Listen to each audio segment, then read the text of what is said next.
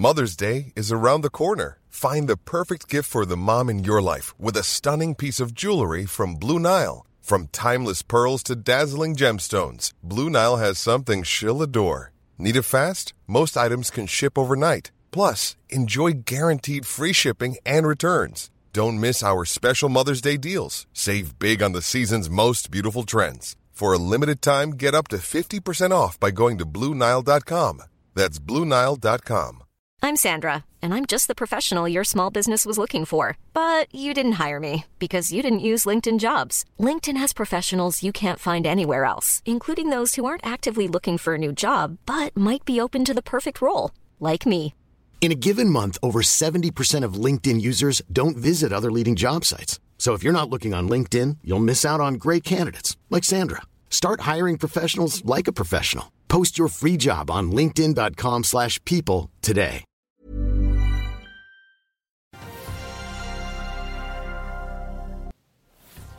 Pengebingen til Quantafuel krymper, og skattekrangling med laksenæringen får stadig nye konsekvenser. Vi snakker med SalMars ferske konsernsjef Frode Arntzen. Og er det en illusjon at Kina letter opp på koronatiltakene? Det er tirsdag 15. november. Velkommen til Børsmorgen.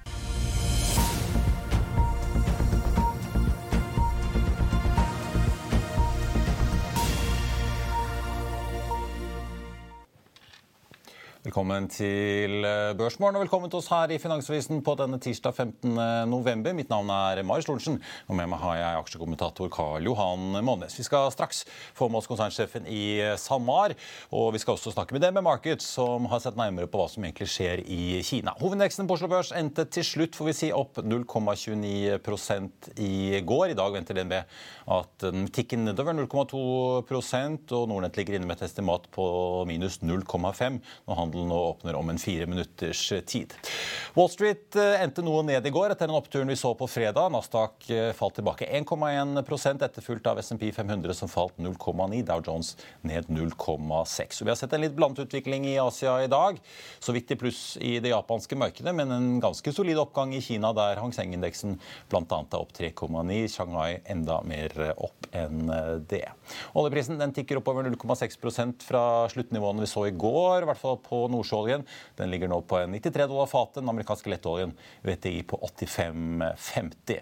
Mange kvartalstall i dag eh, også. Kvantafugl ute med sine. Resultatet havnet på minus 75 millioner kroner i tredje kvartal, og tapene økte dermed fra andre kvartal, der de endte på da minus 70. Dermed kryper også pengesekken for Quantafuel. Ved slutten av tredje kvartal så satt selskapet på en kontantbeholdning på 247 millioner, ned da fra 468 utgangen av forrige kvartal. Og som tidligere meldt så forventes nå en positiv kontantstrøm fra prosessanlegget i den danske byen Skive innen årsslutt.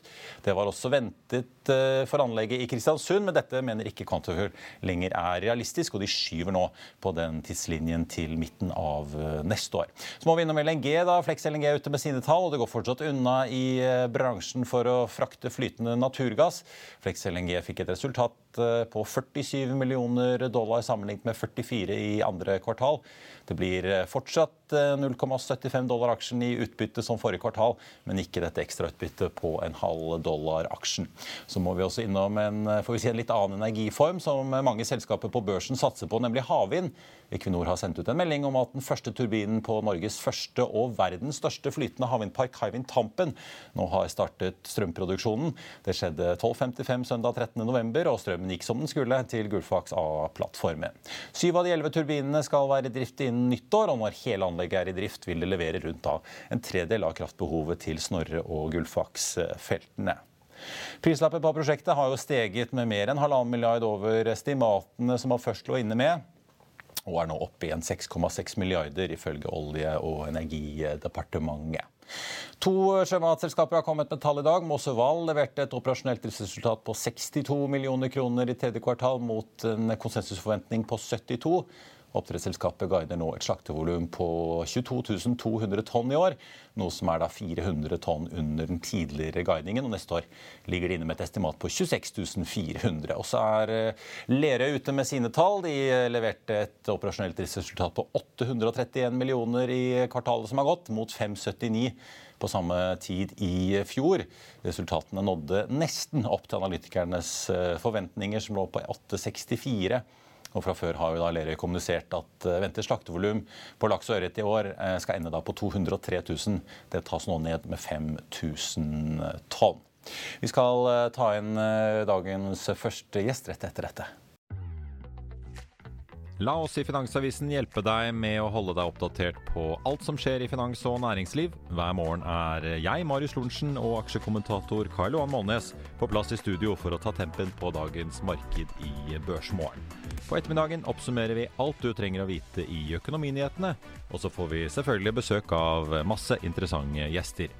Du finner oss på fa.no-tv eller ved å søke opp Børsmorgen og Økonominyhetene der du hører på podkast.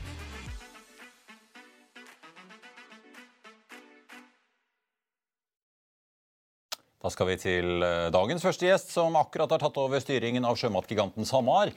Men i tillegg til oppkjøpet av NTS, fusjonen med Norway Royal Salmon og alt det andre som man må håndtere, så står han også midt oppe i den betente skattekrangelen som har blusset opp etter at regjeringen altså har hentet opp den famøse lakseskatten av skuffen nå i høst. Og i tillegg til å da sette kjøp av nye lisenser og investeringer på vent, varsles det nå altså denne uken eh, permitteringer, som ifølge ordføreren på eh, hjemkommunen Frøya utgjør da 23 av alle sysselsatte i eh, kommunen. God morgen og velkommen, konsernsjef Frode Arntzen i SalMar. Med oss fra Rørvik, hvor du altså møter nye kollegaer i Salmo Nord.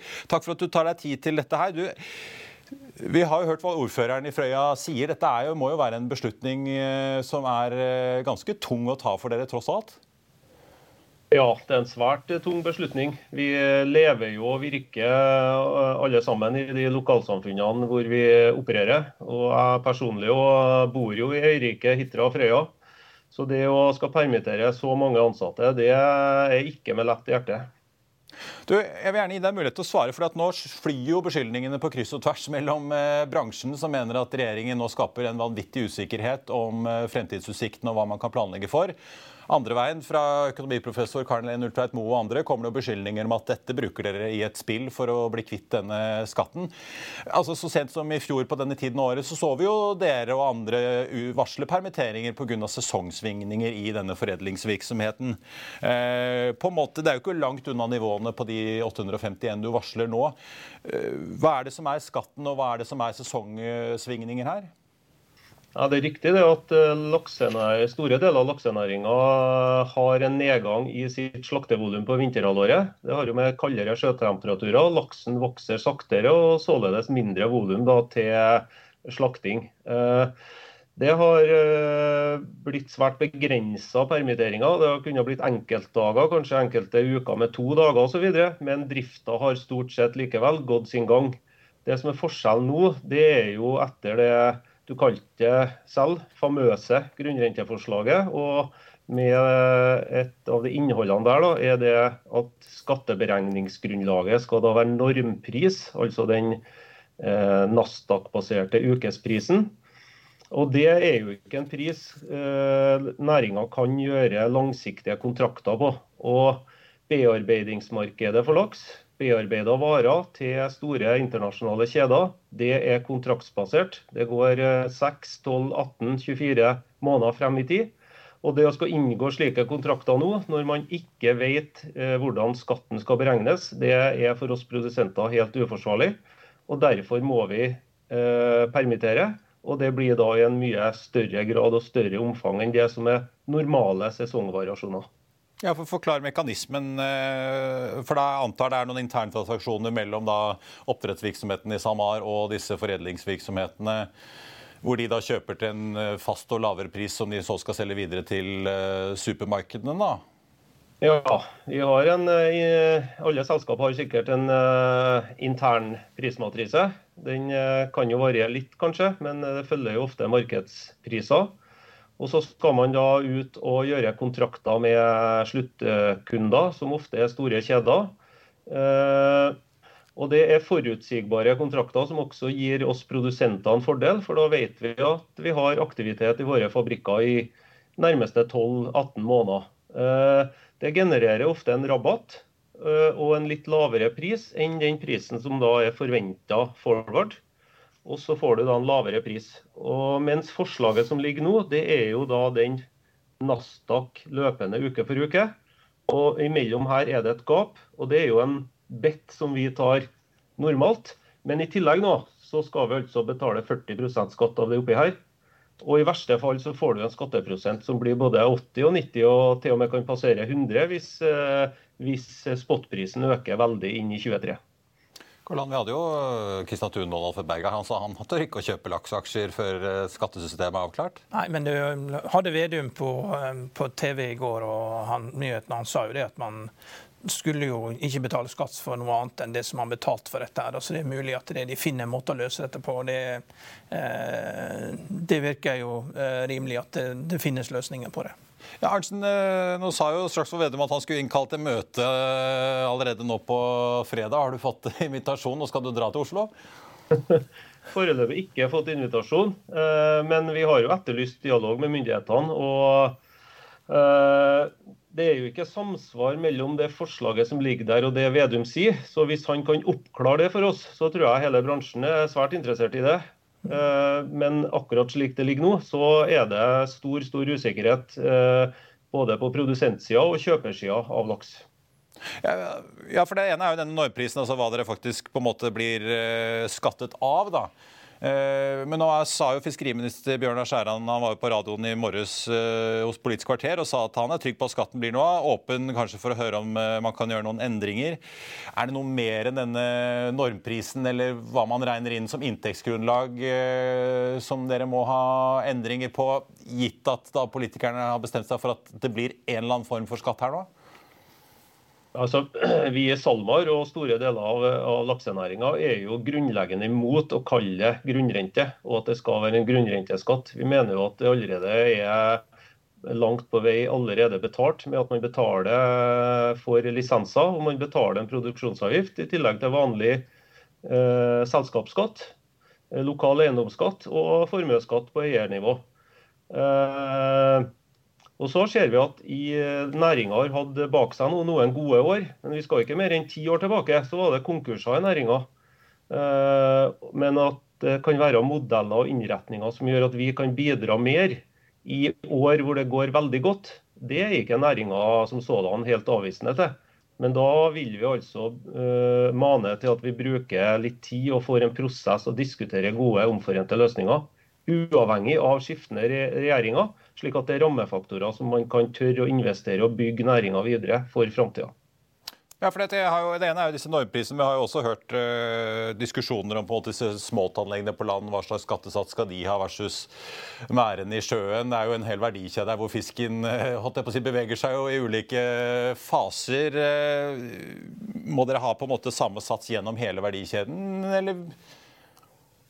Nei, vi må jo ikke ha det, men det er jo det som skaper usikkerhet nå. Og nå med at det bl.a. bare skal være fradragsberettiga investeringer på sjø. Men eh, når man har kjøpt eh, Det er jo to store kostdrivere, egentlig. Det er jo når du kjøper lisenser. Det er kostbart. Og de andre store kostnadene det er jo investeringer du gjør på land. Det er jo å bygge store smoltanlegg i milliardklassen per stykk. Og det å bygge Eh, slakteri- og bearbeidingsanlegg i milliardklassen per stykk. Og Det er jo et, nok et element vi er nødt til å få på plass, at det blir fradragsberettiget også de investeringene man gjør på land. Det blir jo enda mer lønnsomt da, å holde smolten på land mye lenger. Fisken blir enda større før du setter den ut. Ja, og, men hvis man skal det, så må man jo ha kapital til å bygge enda større anlegg. Ja, men nå har jo dere, dere, har jo nettopp kjøpt NRS med et stort nytt eh, landbasert anlegg i Tromsø, Dovefjord, så det er jo bra å få med seg? Ja, Dåfjord, men det har vi jo allerede betalt for, da. Eh, ja. Og eh, da er vi eh, i SalMar så akkurat, kanskje, selvforsynt med smolt slik vi er nå. Og så har vi også en eh, stor havsatsing fremover som krever enormt med kapital i SalMar Aker Ocean, og hvor det òg må i tillegg til det som skal gjøres i havet, med, med store rigger i milliardklassen, bygge store settefiskanlegg. Eh, så det er klart at eh, det at vi ser investeringer samla i hele verdikjeden, det, det er man nødt til å gjøre. Men nå har dere fryst på investeringer. Dere har, eh, som de andre børsnoterte aktørene, også trukket dere fra den siste lisensauksjonsrunden som uh, gikk. Nå er det permitteringer, som du sier da blir større enn vanlig pga. Skatteusikkerheten.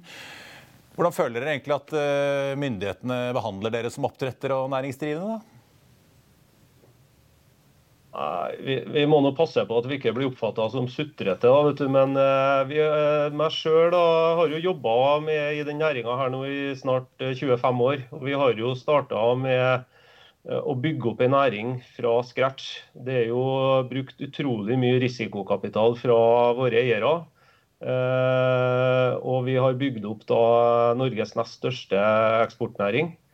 Eh, så vi syns jo vi blir litt stemoderlig behandla når retorikken er at man bare skal ut og ta milliardærene og begynne å navngi en tre-fire stykk. Eh, det er litt utidig. Dette er en næring med tusenvis av distriktsarbeidsplasser. Eh, som har ført til vekst og utvikling og hus i lysene, som man kaller langs hele kysten. Og Da er det nærmest litt useriøst å bare smelle et sånt uh, dårlig gjennomarbeida forslag på bordet, som får sånne virkninger, og som fører til nå, da, dessverre, at flere selskap er nødt til å gå til permittering av ansatte. Kort til slutt, Lerøy er ute i dag og sier at de tror at denne innføringen av skatten kanskje blir utsatt uh, et år. Vi ser at Venstre også er ute og argumenterer for det. Høyre, Erna Solberg, har vel kanskje hintet om noe av det samme. Nå får vi jo se om det eventuelt blir et bredt forlik, som regjeringen sier at de også ønsker. da, Men uh, tror du kanskje det kan uh, komme til å skje her? Ja, Vi håper i hvert fall det. Vi håper at vi tar oss tid nå til gode prosesser og gode diskusjoner. Og så skal vi som uh, produsent gjerne stille opp. Og vi skal få med arbeidstaker og arbeidsgiver og, og regjeringa. Og så får vi til et, et skatteforslag som alle er omforent med, og som det går an å leve forutsigbart med. Frode Arntzen, konsernsjef i eh, SalMar, takk skal du ha for at du eh, var med oss i det jeg vet er en veldig hektisk uke. Takk skal du ha. Okay, da, for de som vil lese mer, så kan du slå opp i dagens avis. Karl Johan. Der forteller SalMar-sjefen om hvordan dette kontraktsmarkedet har tørket opp som, vi sier, som dugg for solen. Ja. Det er, det er, jo interessante tider for dem. Det er jo alt liksom på en måte bare bråstanset. Ja. Nei, men det, det er alltid spennende med laks. Det I'm Sandra, and I'm just the professional your small business was looking for. But you didn't hire me because you didn't use LinkedIn jobs. LinkedIn has professionals you can't find anywhere else, including those who aren't actively looking for a new job but might be open to the perfect role, like me. In a given month, over 70% of LinkedIn users don't visit other leading job sites. So if you're not looking on LinkedIn, you'll miss out on great candidates like Sandra. Start hiring professionals like a professional. Post your free job on linkedin.com slash people today. I'll see you in court. Vi sier det ofte litt på spøk, men for deg som driver business, er det aldri moro å innse at du ikke har laget en 100% gyldig kontrakt. Du bør ikke risikere hele firmaet ditt fordi du synes dette med kontrakter er litt stress. En avtale er ikke en avtale. Du kan miste kunder, miste venner, ja, til og med miste inntekter om du ikke lager en skikkelig kontrakt, på alt mulig, egentlig. Men vi vet det er et styr. Kopimaskiner, treg printer og haugevis av papir. Dessuten stoler vi jo på folk her i landet. Det er ofte litt kleint å skulle be om en signatur for alt mulig, ja, for mye av styret handler også om jakten på underskriften. Det finnes en enkel måte å løse dette på, Dukkobit. En trygg, effektiv og get this, gratis måte å sikre seg en god natts søvn pluss en juridisk bindende avtale. Dukkobit-appen har de strengeste sikkerhetskrav i bunn, samt en EU-godkjent og sertifisert teknologi. Framover vil det bli behagelig å spørre du, skal vi skrive under på det, eller? Kom i gang på dukkobit.no. Utrolig mye å holde, holde styr på. Det er eh, mye.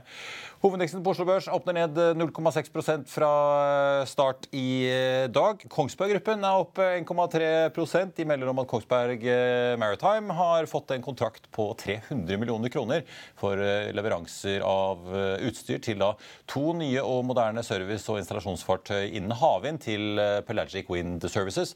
Skipene skal leveres fra Koshin Shipyard i Kina i 2025. Og da skal vi snakke om Kina, der vi har sett en solid børsoppgang den siste tiden. Ja, Hang Seng-indeksen er opp 10 den siste uken bare. En eh, viktig driver i miksen er nyheten om at eh, det kommer enkelte lettelser i Kinas strenge koronatiltak, men er det for tidlig å tro at Asias økonomiske kjempe nå åpner dørene og snart vil operere som business as usual? Det tror vår neste gjest, eh, som er ute med et ferskt analysenotat, kanskje er litt for tidlig å si. Velkommen, Kelly Chen, makroøkonom i DNB Markets. Tusen takk.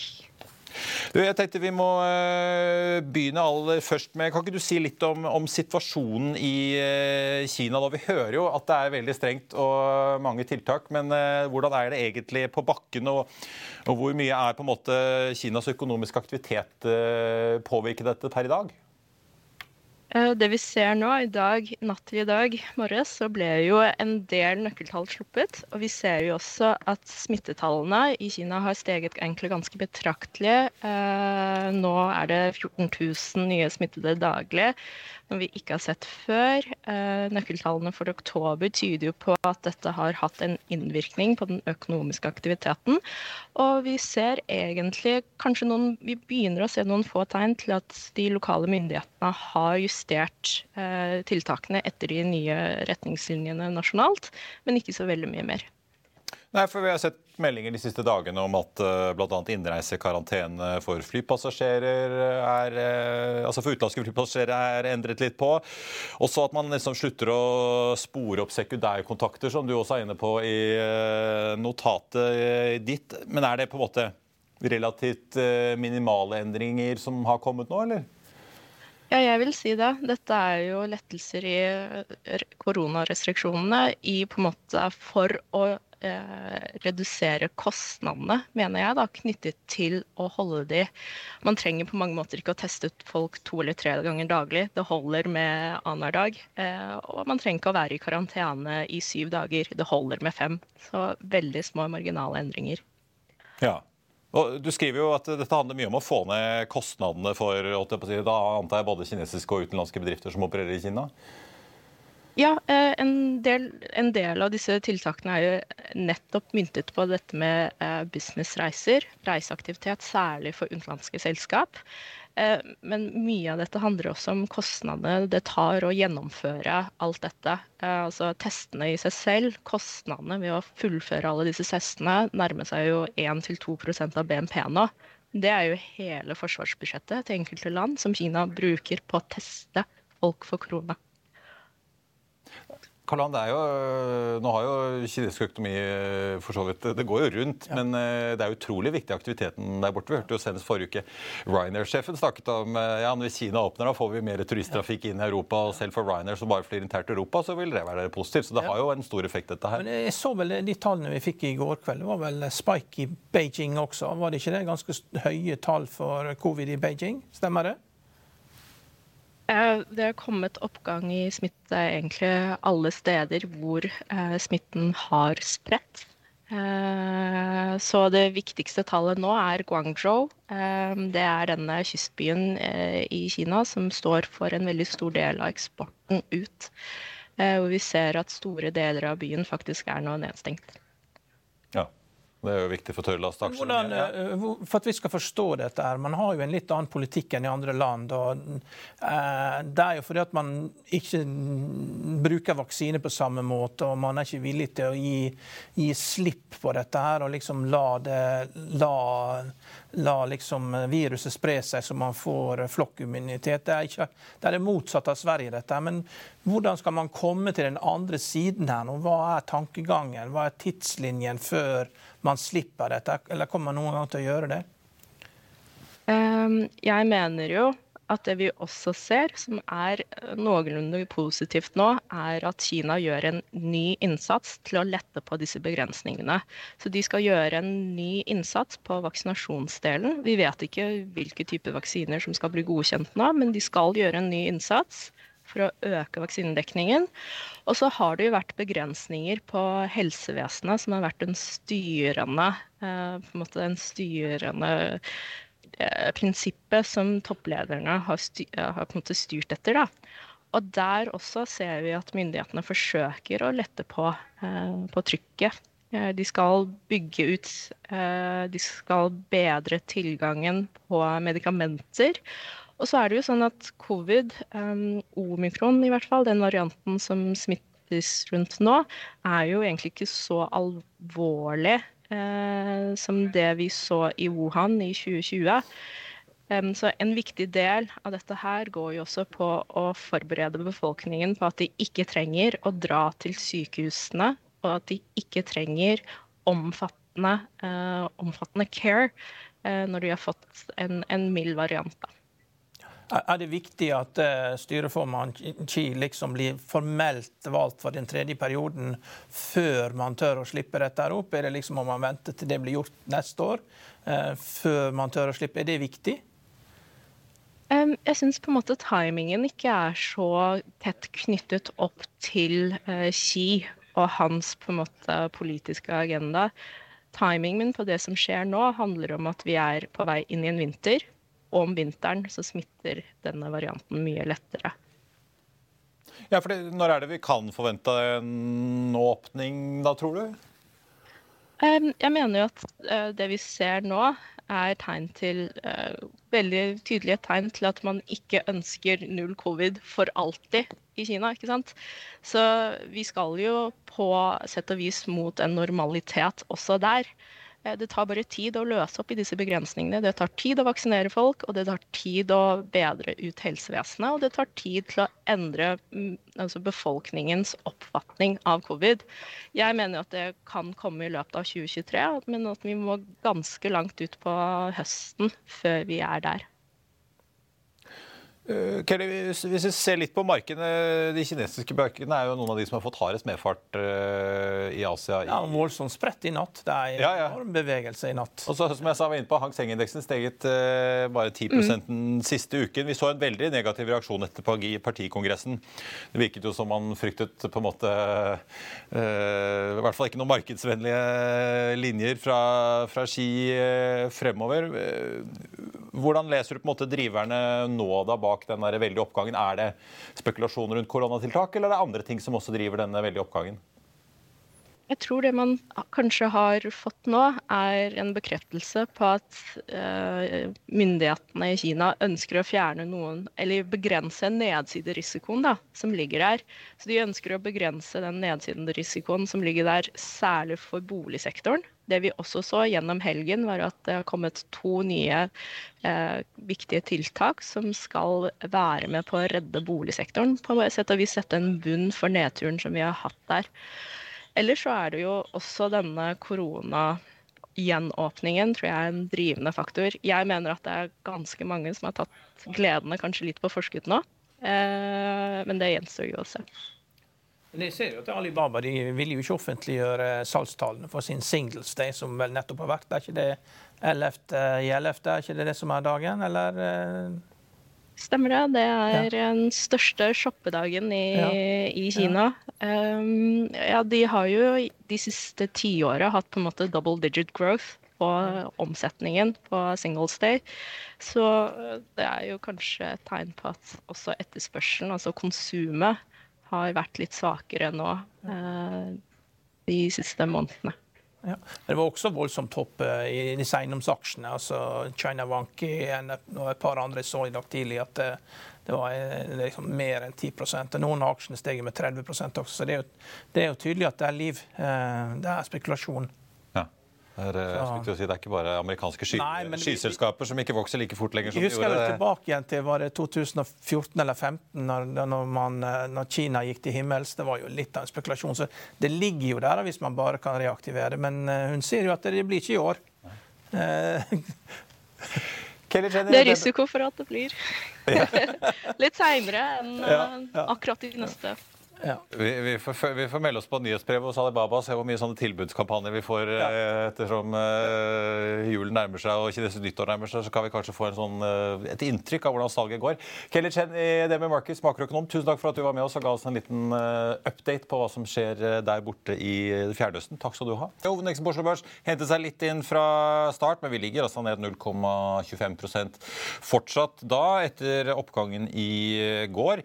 Kantafugl, som er ute med kvartalsrapporten, ned 5,1 Kongsberg Gruppen opp 1,6 da på meldingen om at eh, de har fått eh, nye kontrakter på 300 millioner kroner for to skip til Havvindservice som skal bygges på et verft i Kina, som vi jo for akkurat snakket om. SalMar, som vi snakket med litt tidligere, ned 1,2% fra start, og ligger da på nest mest omsatt bak Equinor og foran Aker BP, som begge er ned en 0,6 Karl-Hans, skal vi snakke litt om plastgjenvinning? Quantafuel uh, svinger litt, se. Nå er den 2,9, så det går jo litt opp og ned her. Litt volatilt i starten. Fortsatt minus, men fortsatt et håp om at denne fabrikken i Danmark skal gi positiv cashflow fra da nyttår? Vi må begynne med det som er positivt, og det er at de, de har jo hatt en, de har jo store planer om å bygge mange store fabrikker både i UK og i andre land i Europa. Og eh, nå virker det som at de har en plan om at de skal få et firma som heter CBRE til å hjelpe dem til å hente inn egenkapital mm. til fabrikken i Sunderland. Det betyr at de sjøl skal bare ha en liten andel egenkapital. Og det er klart det er trusselen om at du hele tida må finansiere den veksten sjøl. Den har jo lagt der. Når du da får konkret at det er noen som er villig til å gjøre dette, og ta på sin hend, så reduserer du risikoen. Men, men, samtidig da så ser man jo at kontantene forsvinner veldig raskt ut av firmaet. Man går fra 468 millioner til 200 247 millioner i kontanter i løpet av et kvartal. Og markedsverdien av egenkapitalen er i 1,35 milliarder kroner. Og man kan jo egentlig spørre seg om eh, altså På et eller annet tidspunkt så er det riktig for et selskap som Quantafuel å være på børs, men i den fasen hvor man driver eksperimenterer og man bygger pilotanlegg og man prøver å skalere dette opp, så dette her hører egentlig ikke hjemme på børs. Altså. Det er selskap som Lego som støtter dette, selskap som BASF. Det er klart det er veldig flott for de at de har disse initiativene, for de er store brukere av plast. Men dette her er en type aktivitet som uh, bruker noe enormt med penger penger, og det hadde sannsynligvis hatt større sannsynlighet for å lykkes om man gjorde det privat eh, enn ja, som holdt på i offentlighet. Venturesatsing, eller hva man skal kalle det? Ja, ja. Du lurer folk til å tro at det er lett å tjene penger på det, og det er det overhodet ikke. Så dette her er, eh, det hører egentlig ikke hjemme. Og nå går vi i en fase hvor altså, kapitalen er ikke gratis lenger. Det er ikke 0 rente, det er 5 rente. og Det er et fantastisk initiativ. men Eh, hvis folk blir lurt til å tro at eh, liksom, har grønne fond inn i dette, her, så det er egentlig støttemedlemskap. Altså, du, du får, får, god samvittighet. Det er ikke derfor man har børsen. Det er ikke som sats? jo, litt Selv om man kan være støttemedlem der og tenke deg på, så er det altså, Det er mange selskap nå der man må, liksom, må sette seg ned og lure på hva man holder på med. ikke sant? Det er, det er ikke nullrente lenger. og eh, Vi trenger ikke å drive med kunstig stimulering i økonomien. Vi, vi må over i en ny fase der at vi ikke sløser med kapitalen. For det har ikke vi råd til. Nei. Nei, det er jo, eh, så er det jo, De har jo på en måte så veldig mange parallelle prosjekter gående nå. Da. Det er jo det, som det første fabrikkanlegget i Skive. Og så har de jo drevet jo begynt med sortering på et annet anlegg i Danmark. Og så er det dette Kristiansundsanlegget. Og det er jo mange parallelle prosesser. Ja, verdens beste sponsorer. Lego, ikke sant. Altså, Lego er jo helt fantastisk. Altså, det er jo Guttungene og sånn, og jentene finner ut hva Lego ikke sant? Det er jo helt fantastisk. Ikke sant? Du må fortsette å bruke Lego av plast. ikke sant? Det er jo største torturmiddelet er å legge Lego utover gulvet og spasere. Takke på det. Ja. på det. og så har du BASF også. ikke sant? Det er jo eh, det er jo, så De kommer jo ikke til å slutte med plass. og her, De må ta større ansvar for dette. her, og, og De har jo penger og ressurser til å skalere opp dette mye raskere enn det man har på et, norsk børsnotert selskap, hvis at de virkelig vil satse på dette. Mm. Aksjen har vært helt oppe i 87,30 på det aller meste på toppen. Det, nå ligger den jo på 7,70, så det er jo under en uh, det går koker jo litt ned til hva man tror. da. En aksje kan alltid falle 100 eh, men den kan også legge på bunn og tikke oppover. Så det handler vel litt om man tror at nå er liksom rock bottom snart nådd. Ja, det er eh, Vi er i bear market, og eh, børsene, børsene, kommer til å slite. Det kommer til å bli verre før det blir bedre, dessverre. Og det gjelder fortsatt. Og vi har ennå ikke sett dette. Nå ser vi også krypto, altså krypto Mye av dette her. Vi har jo blitt forskåna fra mye av de største problemene, men stakkars amerikanere som har blitt lurt til rundt av Tom Brady og hun Giselle Bündchen til å putte penger inn i dette her, det er jo det er vanvitt. Vi skriver jo litt om det i dagens avis. Se på salgstallene. Coinbase liksom 7 milliarder i salg på liksom trykke skjetonger. Det er jo helt vilt. Ja. Men nå var det rapporter om at det er eh, trøbbel for Ethereum, så her eh, ja. ja. Nei, altså, det, det, det, der går til null. Altså, Krypto går til null, det er første. Men heldigvis er det lite penger. Men, men eh, problemet med krypto er at det er de som veldig ofte de som ikke har råd til å tape, som putter pengene inn i dette. For det, de, blir, de, blir, så hardt markedsført at det, de, ja, det må jo være noe i dette, tenker de. Ja. Og, og, da går du også inn i børsen at du begynner å se på zombieselskapene eh, som ikke har noen sjanse til å tjene penger. Da må de sponsorene det, det må avbørs. Du må rydde opp, du må få en renselse før du kan komme videre, kan begynne på en ny sy sykkel. Og Quantafuel er et av de selskapene som helt klart står i fare for å ikke komme gjennom denne syklusen. For at eh, de bruker for mye penger, og, og hovedsponsorene som støtter dette, som Lego og Bass, bør egentlig ta ansvar for dette sjøl eh, og ta det av børs. Takk skal du ha, Karl Johan. På tampen tenkte jeg bare å runde av med et par ting som rører seg på børsen. Scandia Green Power melder at de vurderer strategiske alternativer for eh, selskapet. Det er hyret inn Pareto. Den aksjen er foreløpig dagens store vinner, opp 13,9 Tett etterfulgt av eh, offshorerederiet Doff, hvor aksjonærene har stemt ned forslaget til redningspakke her på tampen av forrige uke. En ny dag med opptur der, altså. Den aksjen ligger på 73 øre nå. Og så har vi Flyr da, på 6,1 øre, også opp i dag, foreløpig i hvert fall. opp 8,9% Der kommer det jo masse aksjer inn, eh, inntil da 70 milliarder nye aksjer inn til ett øre stykket. Ellers så har vi da Quantafull, som vi snakket om, ned 5,9% igjen eh, nå. Kongsberg Gruppen med havvindkontrakt opp 1,8. Og så har vi jo da AF-gruppen som kom med tall i dag ned 1,7 eh, Nei, ikke kommet med tall, unnskyld, men analytikeroppdateringer. For det var det jeg tenkte å ta. Carnegie har nemlig kommet ut at de tar og kutter kursmålet fra 190 til 180. Beholder kjøpsanbefalingen sin. men aksjen ligger på da 1,4260, da, ned 1,7 Og så har vi Elkem, hvor City kutter kursmålet fra 43 til 37 kroner. Gjentar en holdanbefaling. Og Elkem ligger nå på 34,88. Golden Ocean kommer med tall i morgen. Pareto tar og kutter i kursmålet før den tid, fra 10 til 9,5 dollar aksjen. Omtrent av 95 kroner. Den ligger nå på 95,20 er ned 2,1% på Oslo Børs. Mens eh, de altså har en holdanbefaling, så ligger DNB fortsatt med en kjøpsanbefaling. Kursmål 150 kroner aksjen. Så da får man bare følge med når Fredriksen Støllarederi altså slipper sine tall i morgen tidlig. Det var børsmålen for denne tirsdag 15.11. Husk å få med deg økonominyhetene klokken 14.30, der vi bl.a. tar en prat med tidligere Lundin-sjef og nå arbeidende styreleder i fornybarselskapet Magnora, Torstein Sandnes, som deler noen interessante tanker om både olje- og fornybarmarkedene. I mellomtiden får du siste nytt på F1 nå gjennom hele børsdagen. Ha en riktig god dag videre. Takk for nå.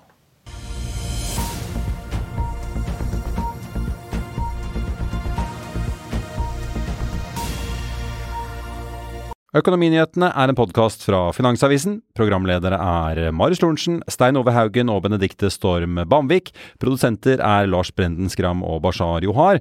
Og ansvarlig redaktør er Trygve Hegnar.